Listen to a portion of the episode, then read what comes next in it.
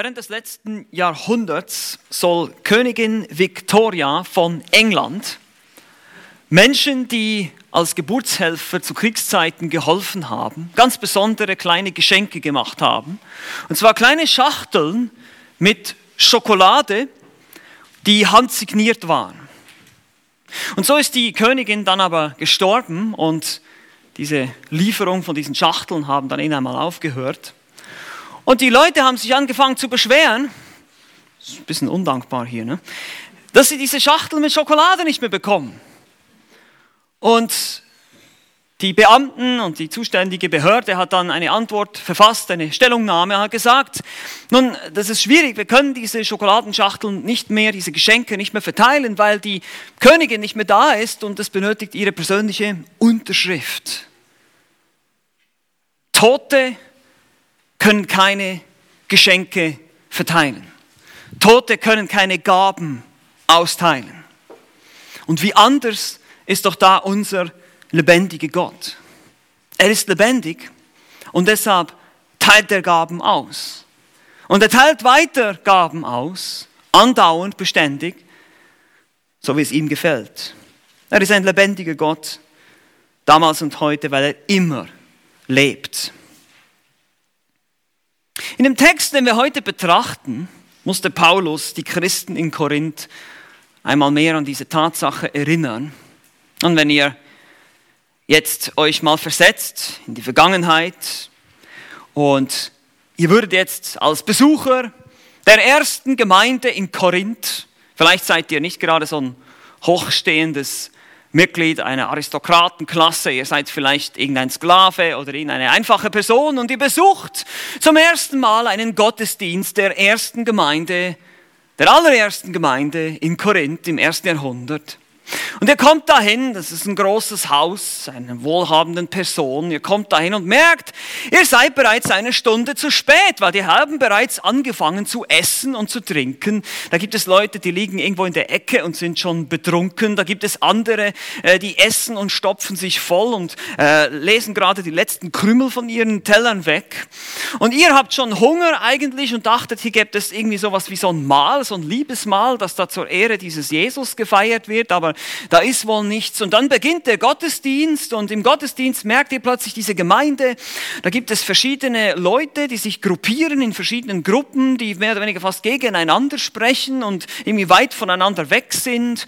Und dann fängt es an und es gibt äh, unverständliche Sprachen, die durcheinander gesprochen werden und jeder steht irgendwie auf und erzählt irgendwas wild durcheinander.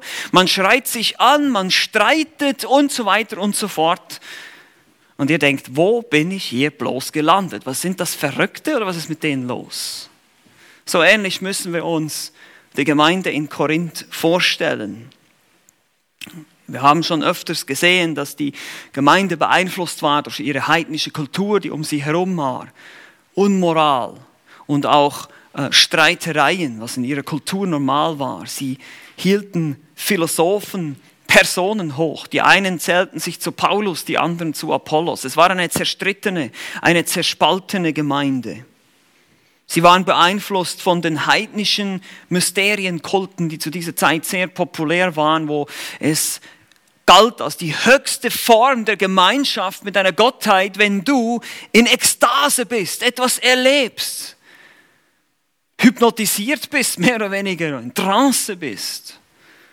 Und so haben sie diese, diese Kultur in die Gemeinde importiert und haben angefangen, das Christentum damit zu vermischen, haben angefangen, das so zu praktizieren.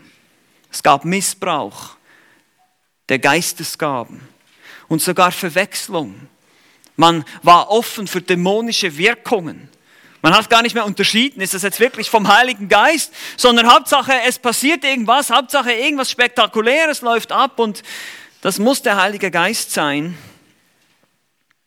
Und Paulus muss sehr viel korrigieren, diese Gemeinde. Wir haben uns schon sehr viele Sachen angeschaut. Vom ersten Kapitel hinweg muss er sie ermahnen. Es geschieht am Anfang, dass er kurz eine Danksagung und ein Lob für sie hat, dass sie wohl Erkenntnis haben. Aber selbst diese Erkenntnis diente ihnen nur dazu, sich selbst aufzublähen und sich zu erheben über andere mit schlechtem Gewissen, die das Götzenopferfleisch nicht einfach so mit einem reinen Gewissen essen konnten. Also selbst ihre Erkenntnis, die sie hatten, diente ihnen nicht zum Segen, sondern zum Fluch. Sie waren überheblich, sie waren lieblos, sie waren nicht Christusgemäß, lebten sie, sie waren fleischlich. Das sagt Paulus in Kapitel 3, ihr seid fleischlich, ihr seid unreif.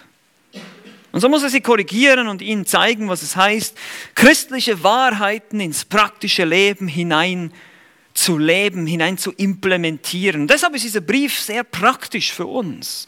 Er gibt uns sehr viele Themen. Es geht um Scheidung und Wiederheirat. Es geht um eben auch um, um Unmoral, sexuelle Unmoral. Es geht um, es geht um Streitereien, um die Frage nach der Weisheit. Es geht um Gewissensfreiheiten und so weiter und so fort. Und wir sind mittlerweile im Kapitel 12 angekommen und jetzt geht es um die Gaben des Geistes, um die sie sich natürlich ebenfalls gestritten haben, wie sie sich ja mehr oder weniger um alles gestritten haben haben, so wie das aussieht hier. Und Paulus beginnt in Kapitel 12 und muss die Korinther korrigieren und sie warnen und sagen, ihr könnt nicht euch einfach jeder beliebigen Wirkung des Geistes öffnen und denken, dass es vom Geist Gottes. Ihr müsst unterscheiden, es gibt Dämonen, die versuchen euch anzugreifen und euch zu täuschen. Und ihr könnt es vor allem nicht im Stile der Mysterienkulte machen. Ihr könnt euch nicht wegreißen lassen wie früher zu den Götzenbildern hin, sagt er in Vers 2. Ihr könnt das nicht so machen. Ihr müsst unterscheiden, ob ein Geist wirklich Christus verherrlicht oder nicht. Das wiederum bedeutet aber nicht, dass in der Gemeinde alle gleich sind. Wir haben das letztes Mal gesehen. Es geht nicht um Gleichförmigkeit hier, sondern es geht um die Quelle. Die Quelle ist entscheidend. Es ist der dreieinige Gott. Und in den Versen 4 bis 7 macht er das deutlich, diese Vielfalt in der Einheit, diese Verschiedenheit der Gaben, aber doch ein Geist, Verschiedenheit der Dienste, aber doch ein Herr, Verschiedenheit der Wirkungen, aber doch ein Gott. Und in den Versen 8 bis 11, und das ist unser heutiger Predigtext, wird er uns jetzt eine Illustration geben, ein Beispiel dafür. Er will einfach zeigen, schaut mal, so vielfältig hat Gott euch als Gemeinde begabt. Und doch ist es der eine Geist, der diese Gaben austeilt. Und wir können sehr viel lernen von dieser Stelle. Wir müssen auch wiederum etwas Staub von der Bibel, äh, etwas Ballast, etwas Tradition und etwas äh, unsere Kultur hier wegwischen und gewisse Dinge klären, wie diese Sachen hier zu verstehen sind. Und deshalb müssen wir uns ein bisschen eindringlicher, ein bisschen, bisschen umfassender oder auch ein bisschen tiefer damit befassen. Lasst uns den Text für heute lesen, 1. Korinther Kapitel 12 die Verse 8 bis 11. Wie gesagt, Paulus hat gerade dazu aufgerufen, zu unterscheiden. Dann hat er ihnen gezeigt, es gibt verschiedene Gnadengaben. Innerhalb der Gemeinde ist derselbe Geist, derselbe Gott, derselbe Herr. Und jetzt beginnt er zu zeigen, dass es eben dafür verschiedene Beispiele gibt. Vers 8.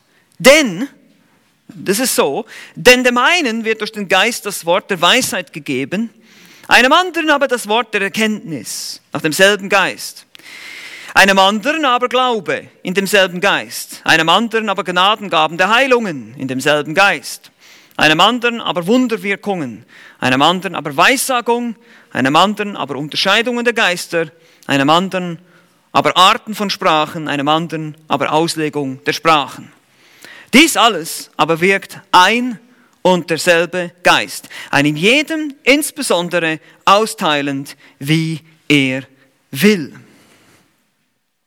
Nun, zunächst müssen wir uns ein paar Gedanken machen über eine Sache, die den deutschen Leser leider ein bisschen verborgen ist hier, aber denen, die Griechisch lesen können, eben sofort ins Auge sticht. Und deshalb müssen wir das hier schnell ansprechen. In diesem Text gibt es zwei unterschiedliche Worte für anderer. Ja, ich meine, das merkt ihr, das Wort anderer, das kommt immer wieder. Einem anderen, einem anderen, einem anderen, einem anderen. Aber es gibt hier zwei unterschiedliche Worte im Griechischen für, das, für den Ausdruck anderer. Einmal gibt es den Ausdruck allos, anderer. Das ist im Prinzip ein anderer der gleichen Art oder der ähnlichen Art. Das ist, was es ungefähr bedeutet. Und dann das andere Wort des anderen, müssen wir aufpassen, dass wir kein Durcheinander kriegen, heteros. Heteros.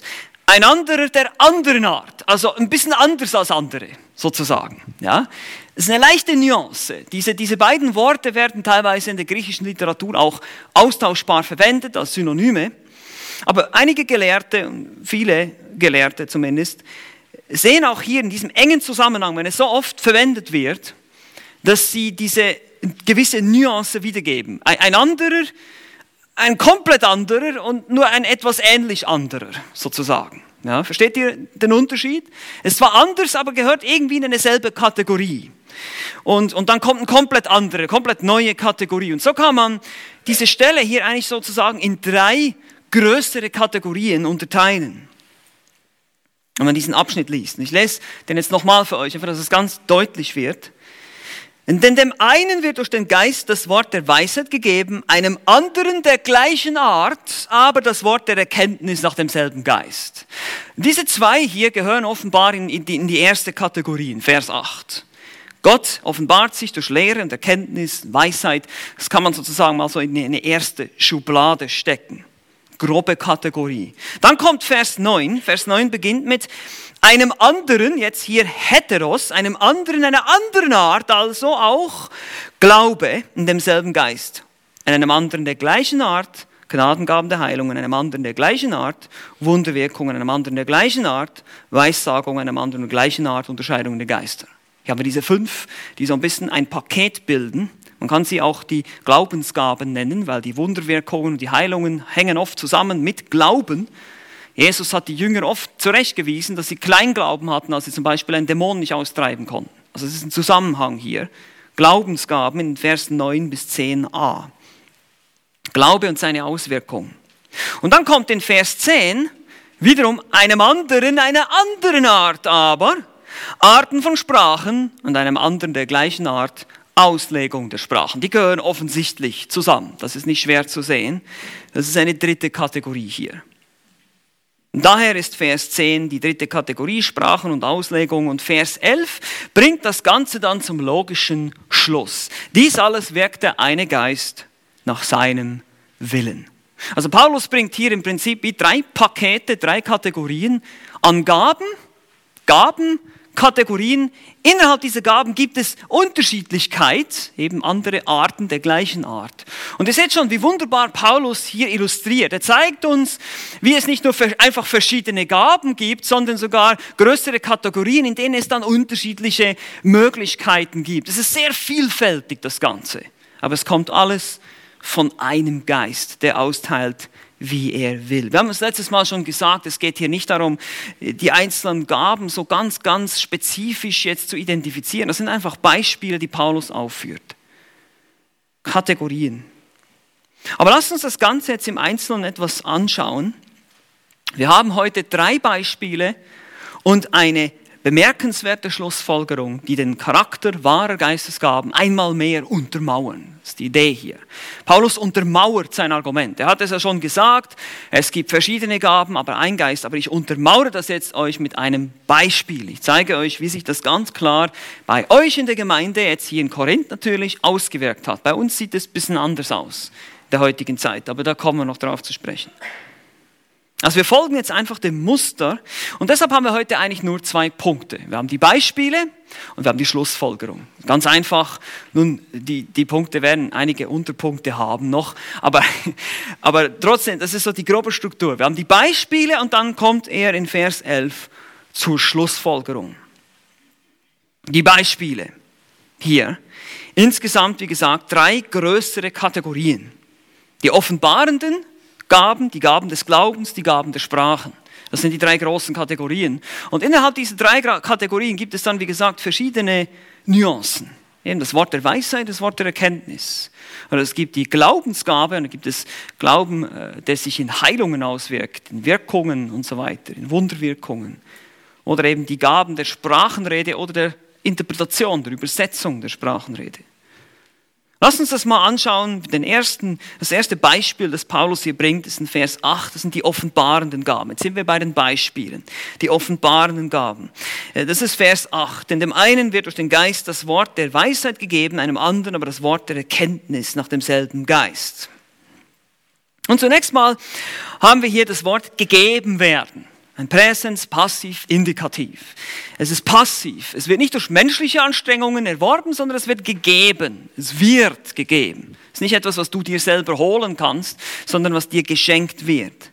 Und es ist ein Präsens, es ist andauernd. Die Gaben werden beständig gegeben, immer und immer wieder, nach seinen Belieben, nach Gottes Willen, nach dem Bedürfnis, gerade was halt gebraucht wird. Nicht einfach so, dass ich sagen kann, jetzt habe ich die und die Gabe und die kann ich jetzt für immer für mich behalten, ja, sondern Gott gibt diese Gaben, der Geist gibt diese Gaben, wie er will, nach seinem Willen. Werden wir noch sehen am Ende auch.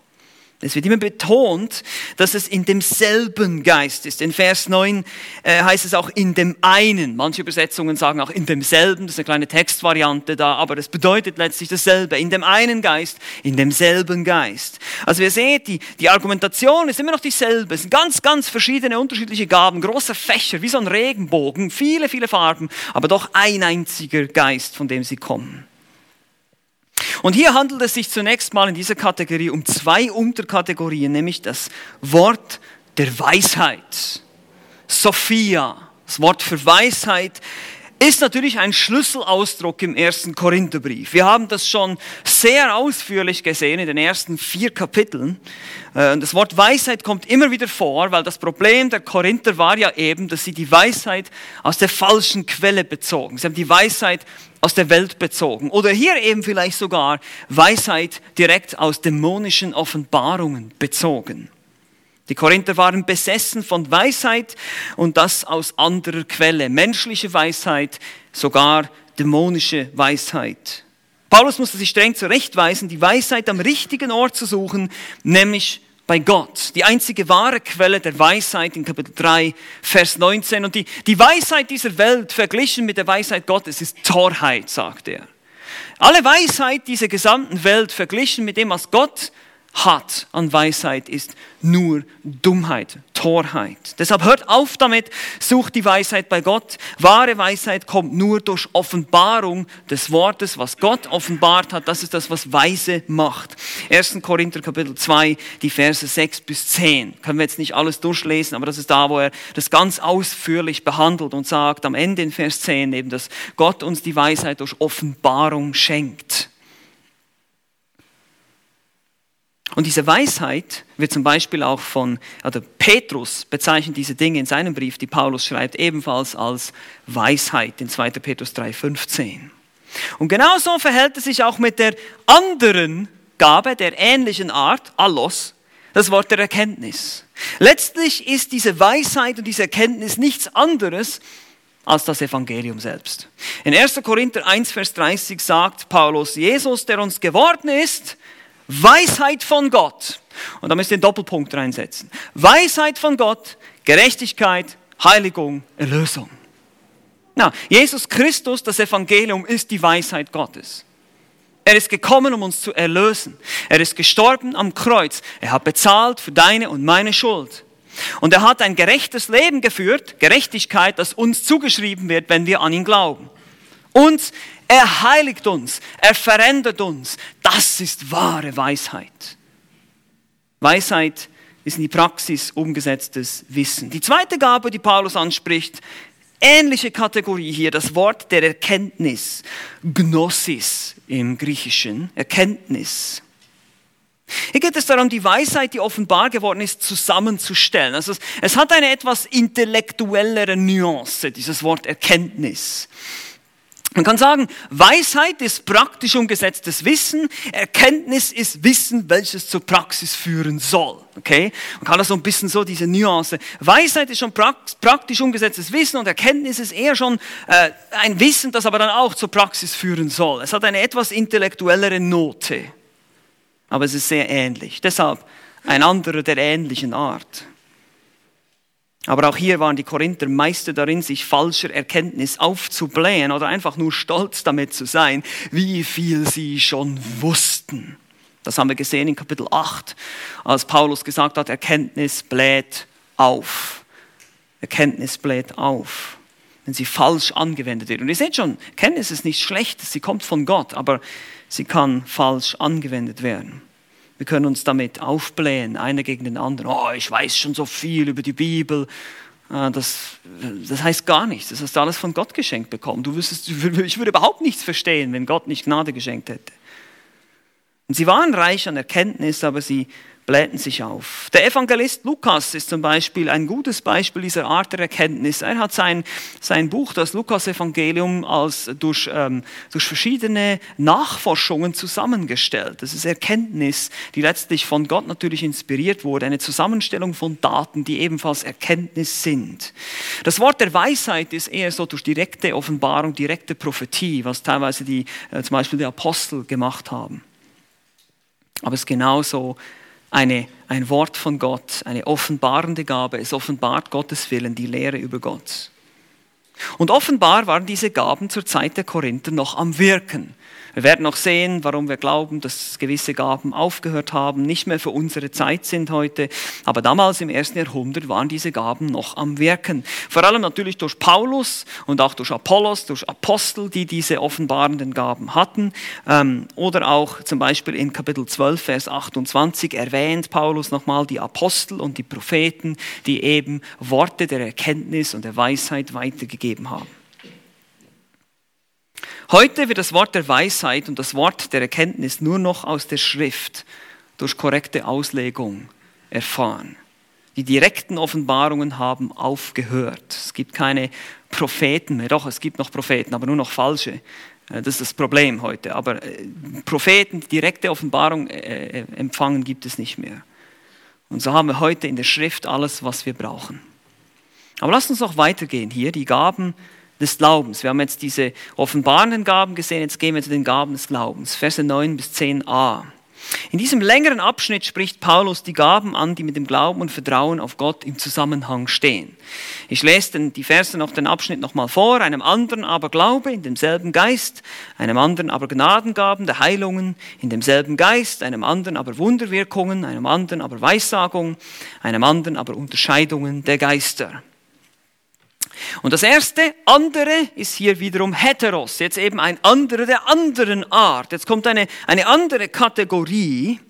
Und in dieser Kategorie finden wir fünf Gaben. Glaube, Heilungen, Wunderwirkungen, Weissagungen, Unterscheidung der Geister. Also das erste, was wir hier sehen, ist Glaube. Die, von diesen fünf, diesem Paket hier, dieser zweiten Kategorie. Der Glaube selbst. Nun, das ist nicht dein persönlicher Glaube, der dich gerettet hat, sozusagen. Der Glaube, den wir alle haben als Christen. Wir vertrauen auf den Herrn Jesus Christus.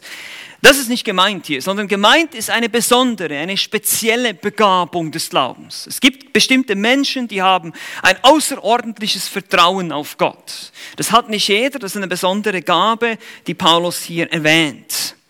Es ist der, Gabe, der Glaube, der Berge versetzen kann. Und das erinnert an die Lehren unseres Herrn. Zum Beispiel in Matthäus 17 habe ich schon erwähnt, wo er die Jünger eben zurechtweist, weil sie den Dämon nicht austreiben konnten, weil sie einfach nicht geglaubt haben. Zu der Zeit, Jesus hat ihnen diesen Auftrag gegeben und sie haben zu wenig geglaubt. Heute wären vielleicht Beispiele wie, oder heute, ist auch schon eine Weile her, der Missionar Hudson Taylor, der einfach nach China gegangen ist, ohne einen Cent in der Tasche zu haben, oder auch Georg Müller, dem einige bekannt sein sollte. Äh, er vertraute auf Gott beständig, an der auf wunderbare Weise ihn und seine Waisenkinder auch versorgen würde. Das sind gute Beispiele für die Gabe des Glaubens, die heute sicherlich auch noch am Wirken ist. Zweitens haben wir hier Gnadengaben der Heilungen in Vers 9. Das ist eine weitere glaubensorientierte Gabe, die dafür da ist, die Apostel und ihre Botschaft zu bestätigen. Und das ist jetzt ganz, ganz wichtig, diesen Charakter zu verstehen. Wir nennen sie immer so ein bisschen auch Zeichen und Wundergaben. Krankenheilungen, auch Wunderwirkungen oder eben auch das Sprachenreden. Äh, manche benutzen den Ausdruck Zungenreden heute, aber das ist falsch. Es ist Sprachenreden waren da, um die Offenbarungsträger, die Apostel in erster Linie, zu bestätigen, indem was sie gesagt haben. Dass das wirklich von Gott kommt, hat Gott Zeichen und Wunder gegeben. Eben Lahme wurden geheilt, Kranke wurden gesund. Wir sehen das in der Apostelgeschichte, vor allem am Anfang in den ersten Kapiteln. Das Wort Gnadengabe, Charisma, davon haben wir das Wort Charismatiker, heißt einfach nur Gabe oder Geschenk. Es sind also Gnadengabe, es gibt auch keine medizinische Erklärung dafür, es ist übernatürlich hier, diese Heilungen, die sind nicht natürlich erklärbar. Und die Ausdrücke stehen im Plural. Es sind Gnadengaben der Heilungen. Es gab also verschiedene Gnadengaben für verschiedene Krankheiten und verschiedene Heilungen. Okay, das ist ein Plural hier. Das ist nicht alles. Ihr seht auch hier immer wieder diese Vielfalt. Es, es gibt nochmal eine Vielfalt in der Vielfalt. Es war nicht einfach so, dass einer die Gabe hatte, alles zu heilen, sondern einen bestimmten Moment hat er die Gabe bekommen, eine Person zu heilen. Und dann, das sehen wir zum Beispiel in Apostelgeschichte 3, äh, Verse 6 bis 8, wo äh, der Gelähmte am Eingang des Tempels geheilt wird. Und dann, Petrus gewinnt dann die Aufmerksamkeit der Leute und beginnt zu predigen beginnt das Evangelium zu verkünden. Und das ist immer das Ziel. Diese Gabe hat dann immer auf die Botschaft hingewiesen. Das war die Bestätigung der Offenbarung. Wichtig ist auch, wenn wir sagen, wir glauben, dass die Zeichen und Wundergaben, zum Beispiel eben die Heilung oder was auch dann als Wunderwirkungen bezeichnet wird, dass diese aufgehört haben, dann sagen wir nicht, dass Gott nicht mehr heilt heute. Ja? Das sagen wir nicht. Das glauben wir schon, dass Gott immer noch heilen kann, selbstverständlich kann er das. Aber die speziellen Gaben der Heilung, diese bestätigenden Wunder, die geschehen sind, so wie wir es in Apostelgeschichte lesen, durch die Apostel, die haben aufgehört.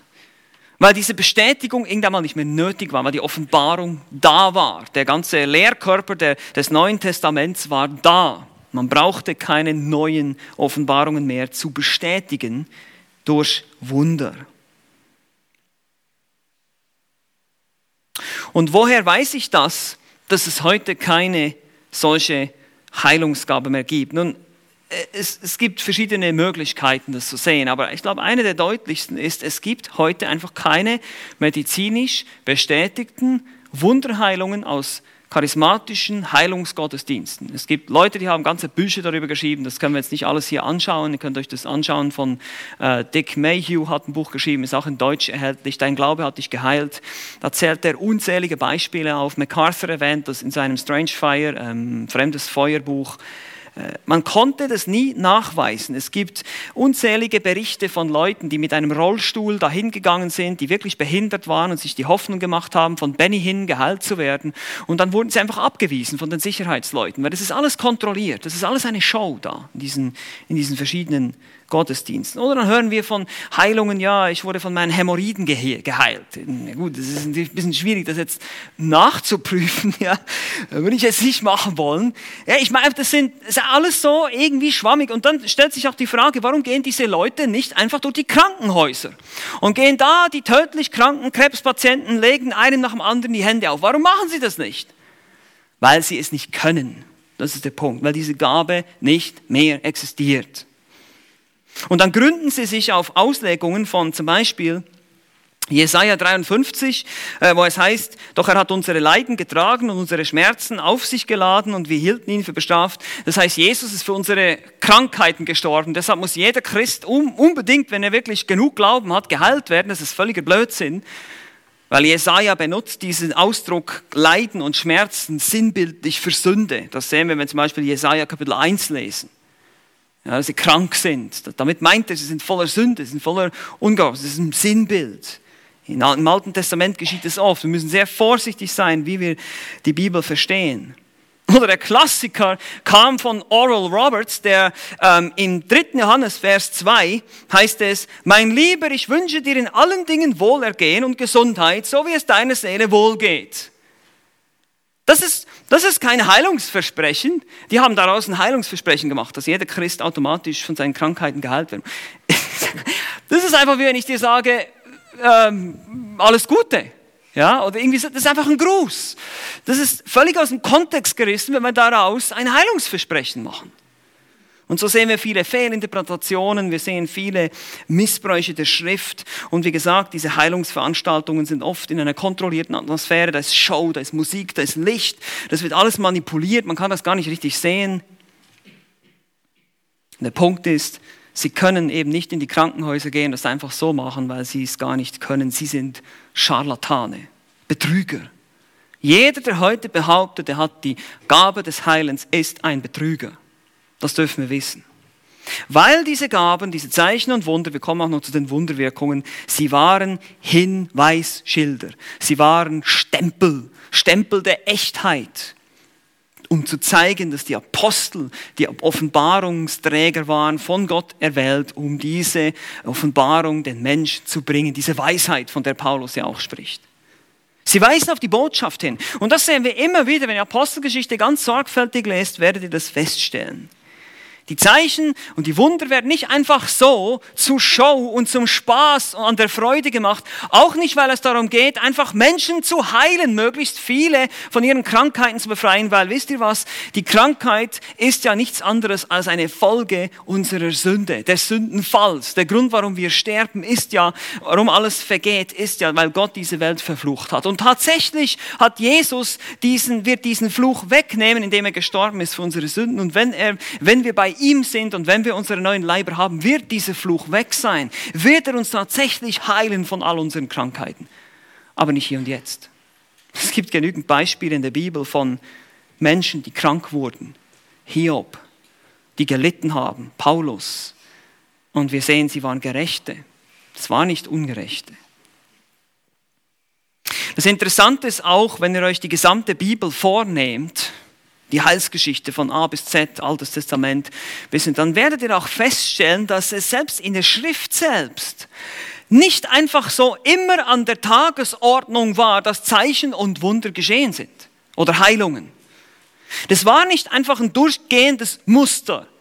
Jeder konnte heilen, das ist ständig, ist voller, das wird uns ja manchmal gesagt. Ja, seht euch mal die Bibel an, sagen die Charismatiker. Ist voller Wunder.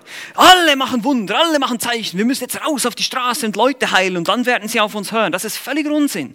Diese Zeichen und Wunder waren ganz spezifisch, konzentrierten sich auf ganz kurze Zeitabschnitte. Und dazwischen gibt es hunderte von Jahren, wörtlich, hunderte von Jahren, in denen nichts passierte. Wir haben die Zeit Mose, es sind drei große Abschnitte, in denen wirklich viele Wunder geschahen. Und dazwischen haben wir hunderte von Jahren gar nichts. Nichts, kein Zeichen, kein Wunder, keine Offenbarung. Bei Samuel, wenn wir das lesen, sehen wir, es gab schon lange keine Offenbarung mehr. Samuel war da wieder der Erste, der mal wieder mal eine Offenbarung bekommen hat. Das war überhaupt nicht einfach so an der Tagesordnung, auch in Israel, auch im Alten Testament nicht. Und diese drei Zeitabschnitte sind einerseits die Zeit Mose, die war grundlegend. Hier gab es die grundlegendste Offenbarung überhaupt, die fünf Bücher Mose, das die Grundlage für all unseren Glauben, für alles, was die gesamte Bibel sagt. Und da wurden mächtige Zeichen und Wunder wurden da gegeben, um einfach den Mose und seine Botschaft zu bestätigen. Genau dieses Prinzip. In Ägypten, können, wir kennen die Geschichten. Und dann geschieht relativ lange nichts. Es gibt natürlich punktuell Dinge, zum Beispiel bei Josua und so weiter. Und dann kommt die Zeit von Elia und Elisa und da geschahen auch sehr viele Wunder auf einem sehr konzentrierten, in einem sehr konzentrierten Zeitraum. Aber nehmt euch mal das Buch Ruth vor. Nehmt euch mal das Buch Esther vor. Das sind Geschichten, die einfach, wo Gott einfach im Hintergrund wirkt. Und das ist so, wie er im Alltag wirkt. Er, er schenkt nicht ständig Zeichen und Wunder in einer Tour ununterbrochen. Und bei Elia und Elisa war es auch so, dass die Zeit der Könige zu Ende ging und Gott die Botschaft brachte, dass Israels Zeit, seine Tage gezählt sind. Und deshalb konnte Elia Feuer vom Himmel lassen. Im 1. Könige 18 finden wir dieses Beispiel. Und dann finden wir aber auch nach dem letzten Propheten Malachi finden wir 400 Jahre Stille, Funkstille, da ist gar nichts. Kein Zeichen, kein Wunder, nichts, kein Prophet. Und dann kommt Johannes der Täufer. Nach 400 Jahren. Und dann kommt die Zeit Jesu und die Apostel. Und da kommt es nochmal ganz konzentriert mit vielen Zeichen, vielen Wundern, vielen Dämonenaustreibungen, weil der Teufel natürlich alle Hebel, die ganze Hölle in Bewegung setzt gegen Jesus. Und dann in der Apostelgeschichte sehen wir schon wieder einen Niedergang, einen Rückgang von diesen Zeichen und Wundern. Das ist ganz interessant. Im Falle von Epaphroditus in Philippa 2,27, den Paulus nicht heilen konnte. Oder Paulus sagt, Timotheus, nimm etwas Wein für deinen Magen, weil er ihn nicht heilen konnte. Oder 2. Timotheus 4,20, das ist ein ganz später Brief, den Paulus kurz von seinem Tod geschrieben hat, wo er seinen Mitarbeiter Trophimus krank zurücklassen musste in Milet. Also auch da, selbst in der Apostelgeschichte selbst sehen wir einen Rückgang der Zeichen und Wunder und wenn wir die Briefe dazu nehmen, die noch ein bisschen mehr äh, also Geschichte geben, sehen wir das. Das Zeugnis der gesamten Bibel ist eindeutig. Zeichen und Wunder und Heilungen geschehen nicht immer und überall, sondern zu bestimmten Zeiten, um weitere Offenbarung zu bestätigen. Gott macht nichts Sinnloses. Zeichen und Wunder haben einen Sinn und Zweck, den sie verfolgen. Und dieser Sinn und Zweck, der ist erfüllt und deshalb gibt es sie nicht mehr. Die, genauso wie es die Apostel nicht mehr gibt. Es gibt keine Apostel mehr heute. Und deshalb braucht es auch die Zeichen und Wunder nicht mehr. Aber lass uns nochmal zurückgehen, hier zu 1. Korinther 12. Jetzt sind wir ein wenig äh, vom Thema abgekommen, aber das war wichtig, einfach um das mal zu zeigen. Wunderwirkungen, Vers 10, Wunderwirkungen, Energemata Dunamen von Dunamis. Also wir haben hier die Befähigung, die Kraft, Wirkungen zu tun, Wunder zu tun. Hier geht es weniger um Heilungen, sondern eher um Zeichen, beispielsweise Totenauferweckungen, Apostelgeschichte 49, oder den bösen Zauberer blind machen, in Apostelgeschichte 13. Das sehen wir Beispiele von diesen Wunderwirkungen. Es ist ein übernatürlicher Eingriff Gottes in die physikalische Welt. Die Stillung des Sturms, die Verwandlung von Wasser zu Wein. Jesus hat das auch getan. Aber all diese Zeichen, wie gesagt, dienten zur Bestätigung des Messias oder dann eben seiner Apostel, seiner ähm, Offenbarungs- oder Botschaftsträger. Und Gott kann heute noch Wunder tun. Hier genau dasselbe. Wir streiten das nicht ab. Ich sage nicht, Gott tut keine Wunder mehr und Gott heilt nicht mehr. Punkt. Nein. Die Gabe des Heilens, die Heilungsgabe oder die Wunderzeichengabe, die die Apostel hatten, das ist nicht mehr da. Wir beten auch für Heilung. Und wir haben es auch schon erlebt, dass Gott Menschen geheilt hat. Aber die Antwort ist nicht immer ja. Wir wissen das auch. Wir haben das auch erlebt letztes Jahr. Und dann gibt es noch in Vers 10 die Weissagung, Prophetia oder Prophetie. Und hier ist natürlich die Frage, wie unterscheidet sich hier die Prophetie vom Wort der Erkenntnis? Ähm, das Wort Prophetur, also das Verb, äh, ist einfach eine Offenbarung verkündigen. Also prophezeien kann sogar einfach predigen sein. Es geht einfach darum, dass man eine Botschaft von Gott verkündigt. Aber in diesem Zusammenhang hier ist es wohl eher die direkte Offenbarung Gottes, eine Art Zukunftsvoraussage. Das Wort wird hier spezifischer verwendet. Zum Beispiel finden wir in Apostelgeschichte 11 den Propheten Agabus, der eine Hungersnot voraussagt, oder die Töchter des Philippus, die weissagen konnten. Und so in dieser Art und Weise diente diese direkte Offenbarung gewisse Sachen, die zum Beispiel über Paulus gesagt wurden, was er erleben würde, wenn er nach Jerusalem kommt, ebenfalls als Bestätigung seiner Echtheit als Apostel. Und Vers 10 dann letztlich die Unterscheidungen der Geister, eine, eine Unterscheidung, ein Urteil zu fällen, welcher Geist hier spricht. Wie bereits erwähnt, gab es echte und falsche Gaben in Korinth. Und so hätten die Korinther hier wohl gut daran getan, diese Gabe ein bisschen mehr einzusetzen, da es offenbar Leute gab unter ihnen, die die Unterscheidung der Geister hatten. Es geht hier aber nicht wiederum um das normale Unterscheidungsvermögen, was wir alle haben sollten, sondern wieder eine besondere Gabe, direkte Geisteswirkungen zu beurteilen. Nun, das weist eben nicht darauf hin, dass es fehlbare Prophetie gab, so wie Wayne Grudem das behauptet, sondern dass es falsche Propheten gab in Korinth. Und dass es Leute gebraucht hätte, die mit der Unterscheidung der Geister gekommen und gesagt, das ist ein falscher Geist, der hier spricht. Das ist die Idee. Auch in Kapitel 14. Wenn es heißt, dass die Propheten reden sollen, die anderen sollen sie prüfen, geht es nicht darum, dass diese Propheten ja so eine fehlbare Prophetie hatten, weniger als die biblische Prophetie, so wie das behauptet wird von einigen offenen und vorsichtigen charismatischen Freunden, sondern das sind einfach falsche Propheten. Die hätten identifiziert werden sollen. Die Gabe der Geisterunterscheidung hätte hier mehr eingesetzt werden können. Paulus wendet diese Gabe in Apostelgeschichte 16 an wo die Magd mit dem Wahrsagegeist hinter ihnen herläuft und sagt, diese sind ähm, Botschafter des Höchsten, sie verkündigen euch den Weg des Heils. Manche, äh, es gibt eine Möglichkeit, das, diese Aussage als ein Weg des Heils zu übersetzen, eventuell, weil da kein Artikel steht im Griechischen. Aber ansonsten sagt sie so ziemlich die Wahrheit. Und Paulus wendet sich dann trotzdem um, es reißt ihm den letzten Nerv aus und er sagt, jetzt, jetzt, jetzt reicht's, aus, weg mit dir treibt den Dämon aus. Aber wir sehen, er merkt, diese Botschaft, auch wenn es die Wahrheit ist, kommt aus einem anderen Geist, kommt nicht vom Geist Gottes. Er wendet diese Gabe der Geisterunterscheidung da in Apostelgeschichte 16 an.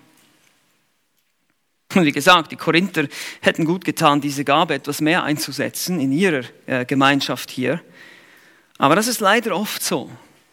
Äh, auch in der heutigen Zeit, wo diese direkte Prüfung der Geister nicht mehr so stattfindet, aber wo es auch warnende Stimmen gibt in der Gemeinde oder überhaupt in der Christenheit.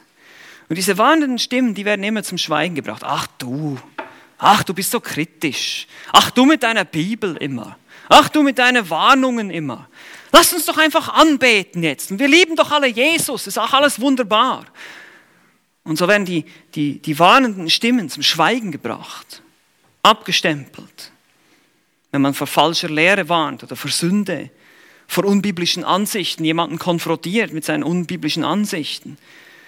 Und dann kommt immer dieselbe Nummer. Ach, was geht dich das an?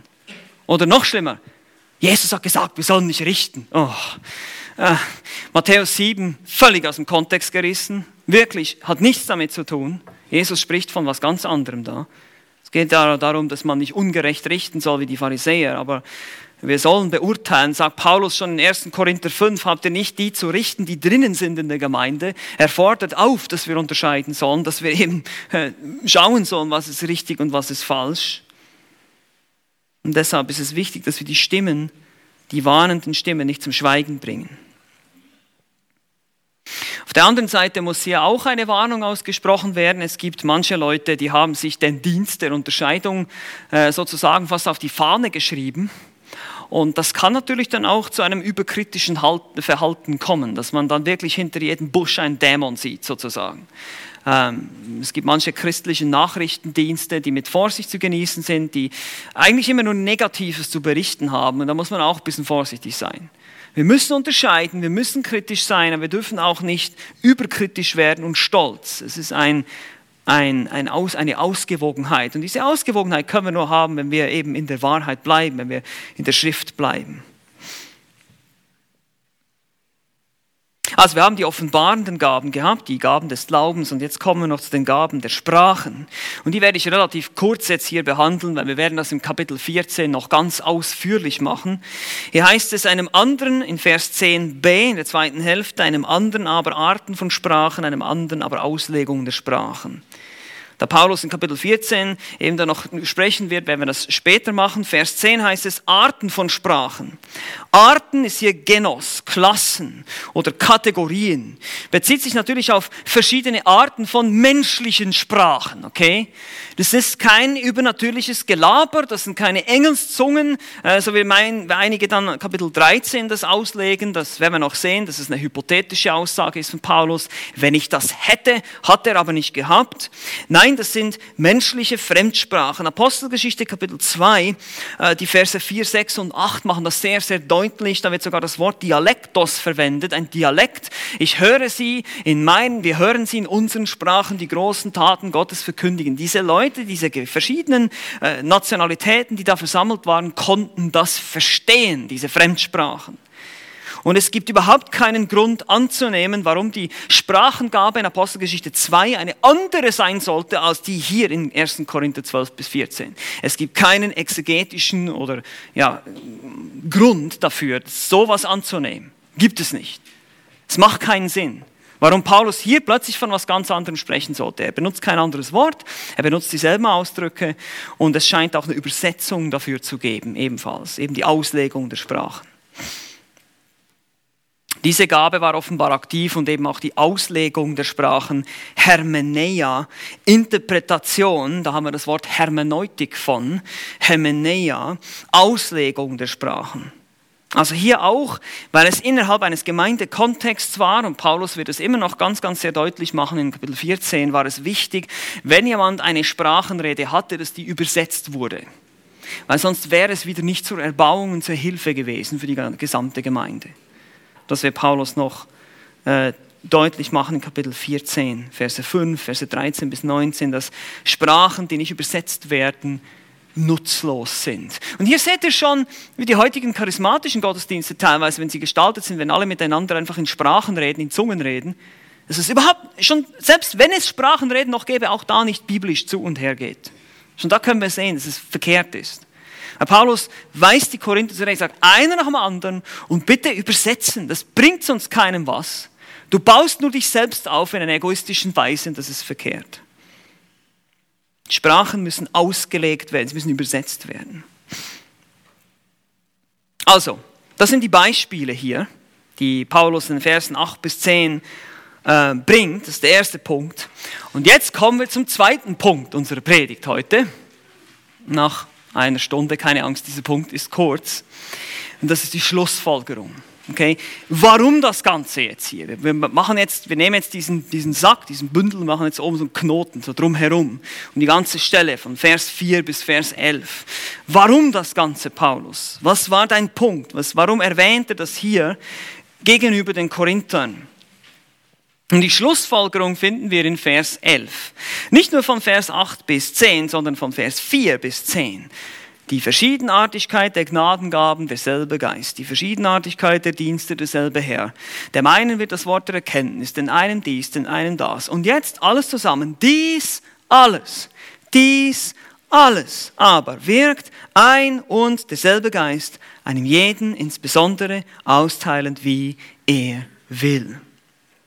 Wie gesagt, angesichts einer solchen Vielfalt von Gaben und Zwecken und Wirkungen kann man sich schon fragen, ja, wo ist denn hier die Einheit, Paulus?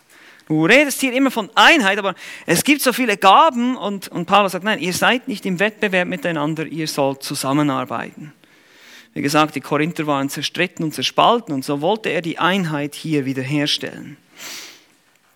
Und deshalb gibt es hier für uns noch drei Dinge zu beachten, die Paulus hier in seiner Schlussfolgerung lehrt. Drei, man kann sagen, drei Anwendungen, drei Lektionen, die wir daraus ziehen können, jetzt hier aus der ganzen Geschichte von Vers 1 an eigentlich schon bis und mit Vers 11, um diesen längeren Abschnitt jetzt hier zum Abschluss zu bringen. Es gibt drei Dinge. Erstens äh, die nötige Einheit. Das ist mal das Erste, was Paulus ja immer wieder deutlich macht. Nicht nur hier am Schluss in Vers 11, sondern im gesamten Abschnitt. Trotz dieser Verschiedenheit, trotz diesen unterschiedlichen Gaben, sollen wir einmütig sein. Wir sollen dieselbe Gesinnung haben, dieselbe Liebe untereinander haben. Das macht Paulus ja auch in anderen Briefen deutlich. Im Philipperbrief und in anderen Briefen spricht er oft über diese Einheit. Ihr solltet nicht gegeneinander, sondern miteinander arbeiten. Ihr sitzt im selben Boot. Ihr kämpft für dieselbe Sache. Ihr kämpft für dieselben Ziele. Es gibt keinen Konkurrenzkampf unter uns. Keine Rivalität. Oder sollte es nicht nicht geben, genauso wie es in Korinth gab.